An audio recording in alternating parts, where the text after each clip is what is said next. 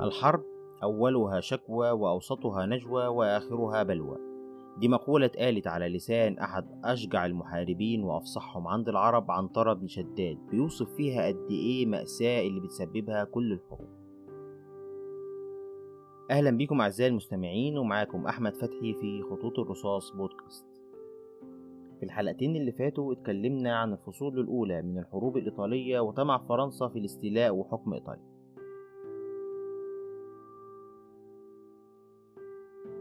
في الحلقة دي هنكمل معاكم أهم فصل في الحروب اللي حصلت في القرن ال14 وال15 في أوروبا وهي عصبة كامبري أو العصبة المقدسة. هنعرف مع بعض من خلال سرد الأحداث ليه عصبة كامبري بقت العصبة المقدسة.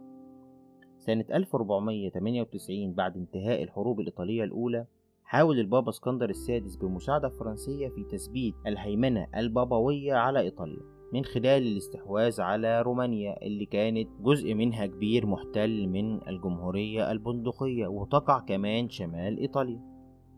لكن بعد وفاة البابا اسكندر السادس تولى من بعده البابا بيوس الثالث اللي توفى بعد فترة قصيرة. يجي بعد كده البابا يوليوس الثاني. البابا يوليوس الثاني حاول استكمال مشروع البابا اسكندر وأول حاجة عملها هو إنه فرض السيطرة بتاعته على الجيوش البابوية وطلب من جمهورية البندقية استرجاع كافة المدن الرومانية اللي كانت تحت حكم الدولة البابوية واللي احتلتها جمهورية البندقية. الغريبة بقى إن جمهورية البندقية وافقت على طلب البابا يوليوس واعترفت كمان بسيادة الدولة البابوية على المدن دي. لا مش كده وبس دي كمان وافقت على إن هي تدفع إتاوة سنوية للبابا يوليوس ولكن بدون تسليم للدولة البابوية. يقوم البابا يوليوس عامل إيه بقى؟ جايب ملك فرنسا وإمبراطور رومانيا ويتحدوا ضد جمهورية البندقية. لكن القدر شاء إن التحالف ده ما يكملش بسبب إن ملكة قشتالة وقتها الملكة إيزابيلا الأولى توفت وحصل اختلافات كتير ما بين إمبراطور رومانيا وملك فرنسا والدول المتحالفة معاهم.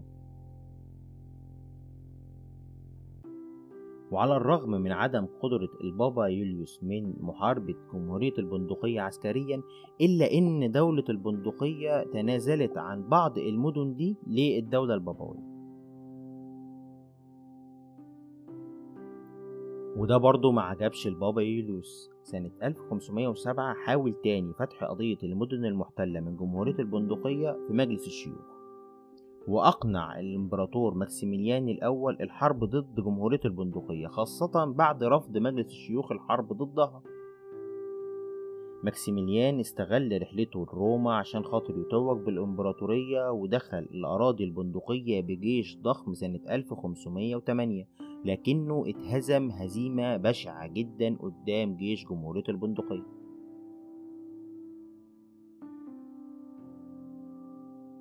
في ديسمبر 1508 البابا يوليوس عمل تحالف مع ملك أسبانيا الملك فرناندو الثاني اللي كان ملك اراجون اللي اتكلمنا عليها الحلقة اللي فاتت. وبالتحالف ده تكونت عصبة كامبري اللي ضمت كل من الدولة البابوية ورومانيا وأسبانيا وفرنسا. اتفقوا الأربع دول على تقسيم الأراضي الإيطالية اللي تحت حكم الدولة البندقية بينهم. في 9 مايو 1509 بدأ لويس ال 12 ملك فرنسا الزحف ضد جمهورية البندقية وقدر يهزمهم من الغرب. كمان جيش ماكسيميليان قدر إن هو يفرض سيطرته على جيش البندقية ويستسلم قدامه لتنهار الجمهورية البندقية وتخسر كل المدن الإيطالية اللي استولت عليها واحتلتها خلال القرون السابقة. في نفس الوقت البابا يوليوس عمل حظر كنسي على جمهورية البندقية وغزا رومانيا بمساعدة دوق فيريرا وقتها اللي كان اسمه ديستي. لتتحكم بعد كده عصبة كامبري في الأراضي البندقية والإيطالية بعد تقسيمها بينهم. لكن دي ما كانتش نهاية العصبة. العصبة هيحصل فيها حدث هيغير كل التحالفات. وهنشوف تحالفات بتتكسر وبتتحول ضد بعضها. هنتكلم عن نهاية عصبة كامبري في الحلقة اللي جاية. عصور الظلام في أوروبا وتسيد الدولة البابوية ساعد في خلق الحالة دي من الحروب والتحالفات في وسط وغرب أوروبا. هنكمل مع بعض إيه اللي حصل في عصبة كامبري السبت اللي جاي في بودكاست خطوط الرصاص وكان معاكم أحمد فتحي.